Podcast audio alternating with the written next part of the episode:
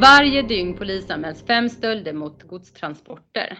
Nu vill Sveriges åkeriföretag tillsammans med polisen och larmtjänst minska brottsligheten och öka tryggheten längs med vägarna och vid rastplatser genom samverkansprojektet Vägsamverkan. Vad innebär det och hur ska det gå till?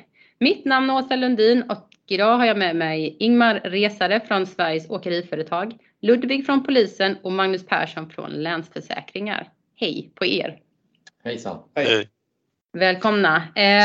Jag tänkte så här att idag ska vi prata om transportstölder och vägsamverkan och för att våra lyssnare ska veta vilka som sitter här och pratar så kan ni kanske bara kort presentera er. Om vi börjar med Ingmar. Ja, Ingmar Resare, jobbar på Sveriges åkeriföretag och jobbar ganska brett med olika frågor men där vägsamverkan är någonting som jag nu håller på med ett tag eller åtminstone det som är ett embryo nu till vägsamverkan. Ja, Ludvig Wendsjö heter jag, jobbar hos polisen i Region Syd där jag jobbar på något som heter brottssamordningen.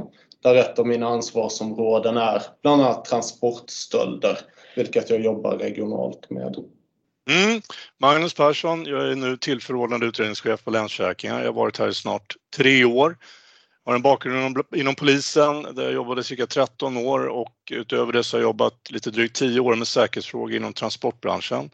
Och Då blev det naturligt att jag då på Länsförsäkringar jobbar med, förutom då med bedrägeribekämpning, även med skadeförebyggande arbete inom då eh, transportsidan. Mm. Eh, som sagt, idag kommer vi prata om vägsamverkan. Ingmar, vill du bara kort berätta vad är vägsamverkan? Ja, vägsamverkan har väl egentligen sprungit ur ett arbete som där vi jobbade ganska tidigt med transportsäkerhet och ordnade mycket konferenser runt det här. Vi letade vägar efter hur vi kunde hitta samarbeten för att eh, hjälpa till och skapa en tryggare miljö för förare, fordon och gods. Eh, det här har ju också kopplingar till eh, ett annan sak som vi jobbar med som är rastplatser. När vi har jobbat med frågan ganska länge och tittat på liksom vilka samverkansformer kunde vi hitta runt det här så landade vi ganska snabbt in i att vi behöver samverka bland annat med larmtjänst och vidare med polisen. Eh, som jag sa då så handlar det här i grund och botten om att eh, skydda både förare, fordon och gods mot någon form av stöld eller att eh, ja, man kan bli utsatt för något brott på något sätt. Samtidigt så som vi har liksom tittat på det här så har vi velat baka in en annan del, nämligen att allt som stjäls ska transporteras. För vår syn kan vara lite annorlunda, lite större kanske än vad just polisen har när de tittar på den här frågan. Vi tänker att eh, förare av fordon där ute, de de ser inte bara saker som så att säga är direkta brott mot dem själva. De ser ju andra saker också. De kan se att det kan stå en konstig suspekt bil vid vägkanten och lasta någonting på en plats där man normalt sett inte lastar något. Det kan vara en bra underlag för information att också föra vidare till polisen i ett sånt här arbete. Så Vi kanske har lite bredare syn, men vi har pratat om det här tidigare och vi tror inte att det behöver vara fel att även inkludera detta i ett arbete med vägsamverkan. Om vi kommer tillbaka till transportstölder, Ludvig, hur ser problemet med transportstölder ut? Är det ett stort problem eller? Vi har ju ett stort problem i Sverige där vi har lite över 2,000 transportstölder per år ungefär.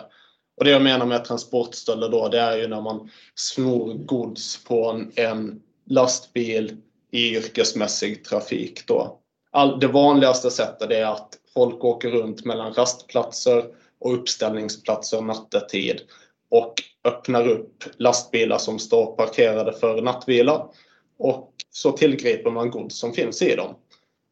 De här lastbilarna står ju oftast utan bevakning och det är olåsta dörrar eller mjuka kapell som man kan skära upp. Utöver det så sker det också transportstölder där man kanske tillgriper enskilda paket Eh, från en lastbil som håller på att eh, lossa gods eller man stjäl eh, batterier från lastbilar. Men Den stora problematiken skulle jag säga är just de här stora stölderna av gods från lastbilar som är parkerade över natten. Mm. Ehm, det har gjorts olika enkätövningar eller enkätundersökningar bland annat till åkerierna och chaufförerna. Ehm, vad visade de, Ingmar? Eh, visar väl kanske på två saker, åtminstone så pekar det på någonting. Och det Mm. ena det pekar på det är att eh, de kanske inte anmäler alla då stölder då, eller tillgrepp som sker mot lastbilar eller runt lastbilar på något sätt. Eh, vi har tidigare eh, uppmanat åkerier att alltid anmäla saker och ting. Alltså om det nu är en dieselstöld eller om det är, är att man har blivit bestulen på något gods eller att man har kanske skruvat loss någonting från lastbilen. Liksom allt ska anmälas. Mm. Och då vill vi bara liksom få en uppfattning, anmäler man det här? Och vi, vi tycker att det finns en indikation på att man ändå eh, inte anmäler allt, vilket vi tycker är viktigt. Det är nummer ett. Eh, och nummer två i det här är väl att när vi också ställer frågan, eftersom att vi tycker att det här samarbetet med polisen är väldigt viktigt, när vi ställer frågan om man känner till den här tjänsten då, möjligheten att tipsa polisen om olika saker, så, så visar det sig att 75% känner inte till det här, nästan Mm. 75 i alla fall, känner till det här. Och, det, och det, det, ins- då inser vi att det finns ju en kunskapslucka här som vi skulle behöva fylla igen på något sätt. Och från polisens sida så är det ju jätteviktigt att man alltid anmäler när man har blivit utsatt för ett brott. Även om vissa enskilda brott kan vara väldigt svåra att utreda och det som utsatt person kanske känns som att nej, det här kommer inte leda någonstans. Så är det jätteviktigt för det genom att få in de här anmälningarna så kan vi se helheten av problematiken. Mm. Polisen kan fokusera sina resurser till rätt områden. Man ser var stölderna begås så att man kan arbeta preventivt. Och det hjälper oss också att lägga ett större pussel. Där är en enskild informationsbit som kanske man sitter på som enskild anmälare och tycker är obetydlig, den kan bli viktig i ett större pussel. Så Ludvig, du menar ju att det är väldigt viktigt att man anmäler om man blir utsatt för den här, eller om man blir utsatt för brott och den här typen av brott nu som vi pratar om, transportstölder. Medan när vi såg i den här enkäten som ni hade gjort eh, eh till åkerierna att det var många som sa att de sällan polisanmäler. Varför tror du att det kan vara så att man inte polisanmäler? Nej, men det, jag tror att det finns en kombination av flera saker. Det ena är att man kanske ibland har orimliga förväntningar på att allt som jag anmäler ska det också bli en riktig fin utredning av. Att de ska banne med jaga ikapp det här buset och, och lagföra dem, sätta dem bakom lås och bom. Och, och vi vet att det troligtvis inte är, är rimligt att för varje enskild stöld lösa det. Däremot så handlar det om att lägga ett pussel. Men orsaken till det här då återigen är att man, man, man har ju pratat själv liksom, och nu blir det lite kanske utifrån mitt perspektiv då, att prata med åkerier och fått en del eh, stories då beskrivna över tid. Man har ringt till polisen och så och de kommer inte och man känner ibland att det spelar väl ingen roll med anmäler det här när man inte ens liksom har allvarliga saker som kanske har, har hänt alldeles i närtid och så kommer man inte ut. Och det, det kanske är ibland orimliga förväntningar men samtidigt så så känner man många gånger, de jag pratar med, att man får inte riktigt den hjälp man, man vill ha. Och, och det kan också kanske vara en del av det här projektet med vägsamverkan, att vi, vi också på något sätt hamnar i, vad är en rimlig förväntan när man anmäler olika saker? När kan man förvänta sig att man faktiskt, faktiskt, faktiskt ska få hjälp? Och, och de ska faktiskt komma ut, nämligen polisen Mm. komma ut. Då. Och när kan man förvänta sig att det här handlar om att lägga ett pussel? Inte om att lösa ett enskilt fall kanske, utan om att lägga ett större pussel för att få en, en bra bild och, och då plocka de här organiserade nätverken i de fall där det då är organiserade brottslighet det handlar om. Har ni märkt av att eh, det finns till exempel chaufförer som har börjat att, eh, som inte vill kö köra till exempel dyrbar last? Att man känner att det finns en risk, risk för sin egen säkerhet att bli utsatt? Har vi kommit dit Ja, än eller? Jag, jag tror, ja, alltså jag har inte hört så mycket om det från enskilda individer, men jag har inte pratat om det i, i branschen att, att eh, vissa företag eh, börjar liksom fundera över, är det värt med tanke på våra Mm. anställda säkerhet då, eh, att verkligen, eh, verkligen ska fortsätta köra det här. Mm. Eh, Vi har eh, ett antal av våra kunder som, som hör av sig och diskuterar hur ska vi göra med den här typen av transporter, hur ser försäkringarna ut? Eh, men framförallt vad kan vi göra för att skydda oss själva och våra chaufförer? För att det är ju inte bara, bara lasten man vill säkra utan det är ju faktiskt en arbetsmiljöfråga i det här också. Och då, då försöker vi hjälpa dem med det man kan. Men, men jag, jag upplever att problemet eh, ökar just kring att, att den här typen av gods som stjäls blir mer och mer het och därmed så kommer det bli mer och mer motiverade gärningsmän.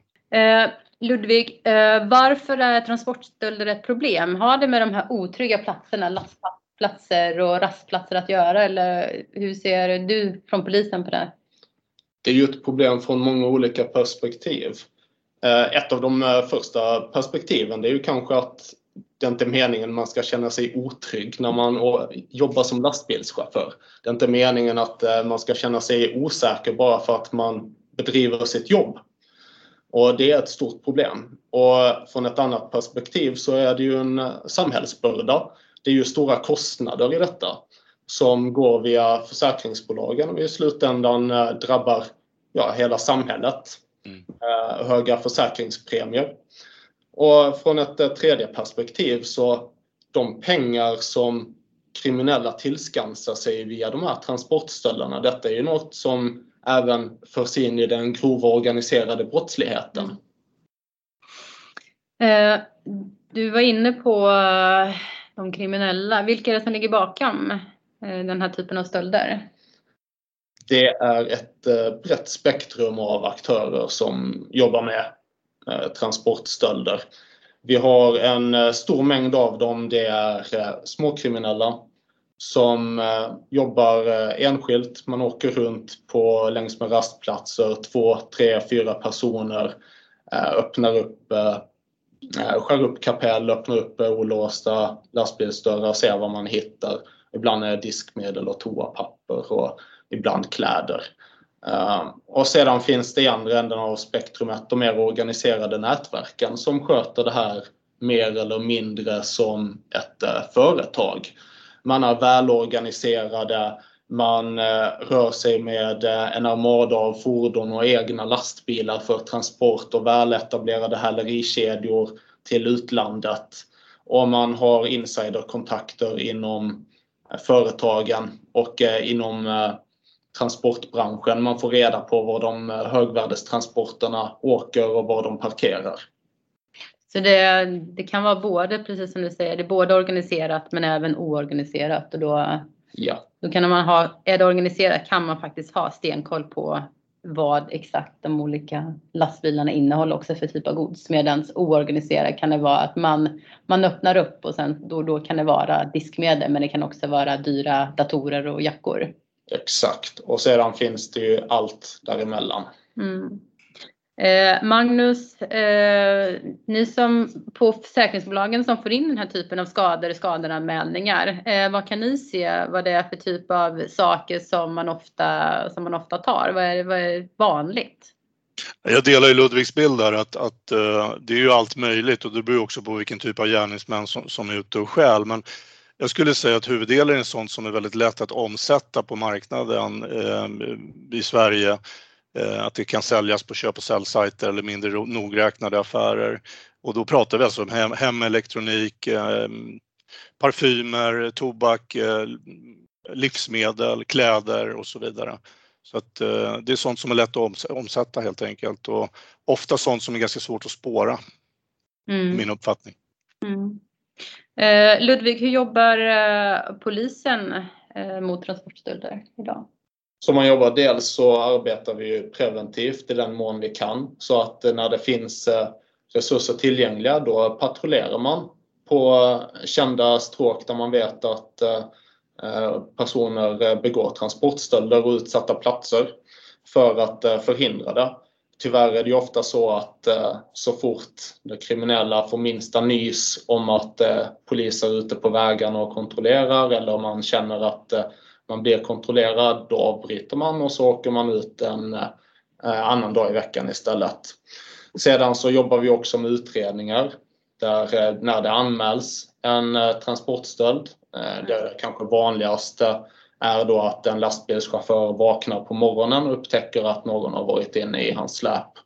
Då åker polisen ut till plats och man håller förhör med relevanta individer, man undersöker möjligheter till att granska övervakningsfilmer när det finns sådant. Oftast finns det tyvärr inte. Och eh, man genomför en brottsplatsundersökning där man letar efter eh, forensiska spår eh, från det kriminella. Mm. Men det är tyvärr också svårt. De flesta kriminella har ju någon gång i sitt liv sett en amerikansk actionfilm och vet att man ska ha på sig handskar och mössa när man begår brott mm. och skylla sitt ansikte. Eh, jag tänkte på hur stor del, andel av transportstölderna leder till åtal och fällande dom? Eh, ofta kanske man kommer dit när, när eh, de som har gjort det här är borta. Eh. Tyvärr är det ju så att om vid det fall där vi gör en eh, anmälningsupptagen efteråt att vi, vi får information på morgonen om att en stöld har skett under natten. Då gör vi så gott vi kan för att utreda det och ibland så hittar vi det som är ansvariga. Men ofta är de borta sedan länge och det finns väldigt få spår. Däremot när vi faktiskt får eh, ett samtal om att det pågår en stöld just nu och vi lyckas åka ut och, eh, och följa efter individerna, då är det ju nattetid och det är väldigt få som är ute och rör sig. Då har vi mycket större framgång i att mm. gripa individerna och lagföra dem. Mm. Vad är de största svårigheterna med att utreda den här typen av brott? Det är ju dels i att det kommer så sent Eh, att vi får reda på att det har skett ett brott och att det finns väldigt få spår att gå på. Mm. Och sedan ser vi också en, eh, ett systemproblem där det är extremt lätt att begå de här brotten. Att transporterna står oskyddade med mjuka kapell, olåsta eh, dörrar till släpen och eh, rastplatserna är eh, ofta oövervakade. Och det finns inte riktigt några incitament för det som handlar upp transporten att förbättra säkerheten för att man vet att om man blir utsatt för en stöld då blir man ersatt av försäkringsbolagen. Så det är bättre att hålla nere sina kostnader på lång sikt genom att hålla varje enskild transport till ett lågt pris och där kanske en osäker transport då jämfört med att ha hög kostnad för varje transport men då hög säkerhet också. Mm. Magnus, eh, hur många transportskador reglerar försäkringsbranschen årligen? Ja, alltså det är ju ett, eh, dessvärre ett litet mörkertal just nu, men, men, i den enkätundersökning som, som gjordes då för inte allt för länge sedan så var det fyra utav de större bolagen som svarade och då var det väl lite drygt tusen ärenden per år och jag kan tänka mig att mörkertalet är ganska stort så att det är nog betydligt fler. Eh, så att det här är ett, ett stort problem och vi ser att det ökar. Vad är det för kostnader vi pratar om? Har ni några uppskattningar på det? Ja, du hänvisar ju till samma då, då, men de fyra bolagen i enkäten hänvisar till att vi betalar ut någonstans mellan 30 och 35 miljoner i ersättning. Det man ofta missar när man tänker på det här att försäkringsbolagen betalar är att vi ersätter ju Eh, inte alltid, men ofta enligt en viktbegränsningsklausul då, som finns i branschen, vilket gör att, att elektronik ersätts ju inte med fulla värdet eh, ofta, utan vi ersätter ju då per, per kilo till exempel. Och, Eh, så att det är någon som, som får en, en eh, ett, ett, minus på saldot helt enkelt. Så att det kostar ju oavsett även om det är försäkrat, det är viktigt att påpeka det. Men vi jobbar ju med våra kunder och erbjuder dem hjälp med att, att jobba skadeförebyggande och, och stötta dem i säkerhetsarbetet och ger dem också mycket fördelar om man är med och gör eh, aktivt, till exempel om det är dyra saker som skickas att man har spårsändare eller vad det nu skulle kunna vara. Så att jag bedömer att incitamentet ökar för att faktiskt eh, vilja ha hjälp och få hjälp och vi biträder så mycket som möjligt i det ja, säkerhetsförebyggande eller mm. säkerhetshöjande arbetet. Ingmar, du vill? Ja, jag frågar till Magnus där. Hur, hur stora skulle du uppskatta försäkringsvärdena är då? Finns det en uppfattning om det? Det finns ingen uppfattning om det. Jag önskar det. Jag satt ju med själv och fick de här frågorna, men jag, jag har faktiskt inte de siffrorna. Utan jag tror det är någonting man måste titta vidare på i, i, i branschen och även i det här arbetet med vägsamverkan. Eh, Magnus, eh, hur hanteras transportskador hos försäkringsbolagen och är det ofta som dessa går till särskild utredning? Nej, eh, särskild utredning det betyder att du kommer ner till oss och vi gör en lite mer djupgående utredning om vad som har hänt. Och vi gör ju inte bara utredning utan vi kommer ju också med förslag till skadeförebyggande åtgärder. Det vill säga vad, när, hur och varför har det hänt och så försöker vi hjälpa kunden med, eller försäkringstagaren med att säga så här kan ni göra för att det inte ska hända igen. Mm. Men, men det är ganska få som kommer till oss och det skulle vara övermäktigt med tanke på den mängden utav eh, skador som faktiskt eh, kommer in till oss. Mm. Hur fungerar eh, försäkringsbranschens samarbete med polisen idag, i dagsläget? Ja, jag kan svara på det. Jag, jag, tycker det fungerar bra där det finns etablerade kanaler, men det finns också ganska många ställen i Sverige där, där jag tror att det skulle kunna fungera bättre och jag tror att samordningen internt inom polisen skulle också kunna fungera bättre. Att man, vi vet ju att de här gärningsmännen, i alla fall de mer organiserade, de rör sig över landet och då tror jag att man skulle behöva titta på liknande modus i närtid. Eh, och att man då kanske vågar blanda in försäkringsbolaget och diskutera med dem. Har ni några motsvarande händelser i er skadehistorik som skulle kunna ha intresse av oss? Så jag mm. upplever ett bättre samarbete och en förståelse för varandras arbetsuppgifter också. Mm. För vi går ju verkligen till botten med varje händelse och försöker komma med förslag till åtgärder. Eh, och, och, vi ser att, att eh, på vissa ställen så kanske utredningar blir nedlagda lite för tidigt. Eh, och, och, på vissa ställen så är det fantastiskt bra utredningar. Så att det är lite grann beroende på var man hamnar. Vissa regioner har kommit lite längre och jag upplever att Syd har kommit eh, väldigt långt. För att återkomma då till just det här eh, begreppet vägsamverkan och det här då samverkansprojektet. Eh, vad, det är fortfarande lite under uppbyggnad, man försöker hitta de exakta formerna och så för själva projektet. Vad, vad är planen framöver nu för, för, för vägsamverkan? Eh, ja, Ingmar, jag kan prata, eh, svara för, för vår del i det här och vi har ju haft ett möte precis innan den här inspelningen och där diskuterar vi ett antal aktiviteter nu då, som, som vi ska göra, sätta ner och försöka få lite, lite fart på. Eh, en del handlar ju om att vi tror från Sveriges Åkeriföretag att en väg framåt är att höja kunskapsnivån bland förare där ute. Eh, om vikten av att anmäla men också att hjälpa till och bidra till att, att se saker som händer ute och därmed kunna tipsa polisen. Så I det som vi kallar för YKB då inom branschen, yrkeskompetensbevis som en fortbildning för yrkesförare, så tror vi att där kommer vi kunna lägga in avsnitt som handlar just om hur man kan vara med och skapa en, en tryggare och säkrare miljö då för förare eh, under den så att säga, rubriken. Mm. Eh, vidare så har vi också pratat här med Ludvig och, och gänget och från polissidan här om att, att de ska kunna ge oss lite mer information om var någonstans de här eh, brotten begås, då, stölderna begås. Alltså att vi får ett, en bättre kommunikation ut till förare och till åkeriföretag om att okej, okay, eh, jag kanske inte jag kanske inte har den bästa bilden men jag har åtminstone en bild över var eh, någonstans det sker eh, stölder och det kanske kan bidra till att man väljer andra platser att stå på. Tack! Vi har ju som sagt pratat om eh, vägsamverkan och eh, transportstölder eh, i det här avsnittet. Är det någonting eh, som eh, ni skulle vilja lägga till innan vi avslutar som ni vill få nämnt? Jag delar verkligen det du säger Ingemar och jag tror att, att eh, man skulle behöva ha en, en delad lägesbild mellan då åkeribranschen, försäkringsbolagen och polisen. Jag tror att det är väldigt värdefullt. Från polisens sida så kan jag ta tillfället att verkligen uppmana alla att eh, är man utsatt för brott, att verkligen anmäla. För att det hjälper polisen att få helhetsbild av problematiken även om just det enskilda brottet kan vara svårt att utreda. Men också tipsa polisen om man ser eller hört någonting eller vet någonting som kan hjälpa polisen att utreda, förebygga Ehm, eller bekämpa brott.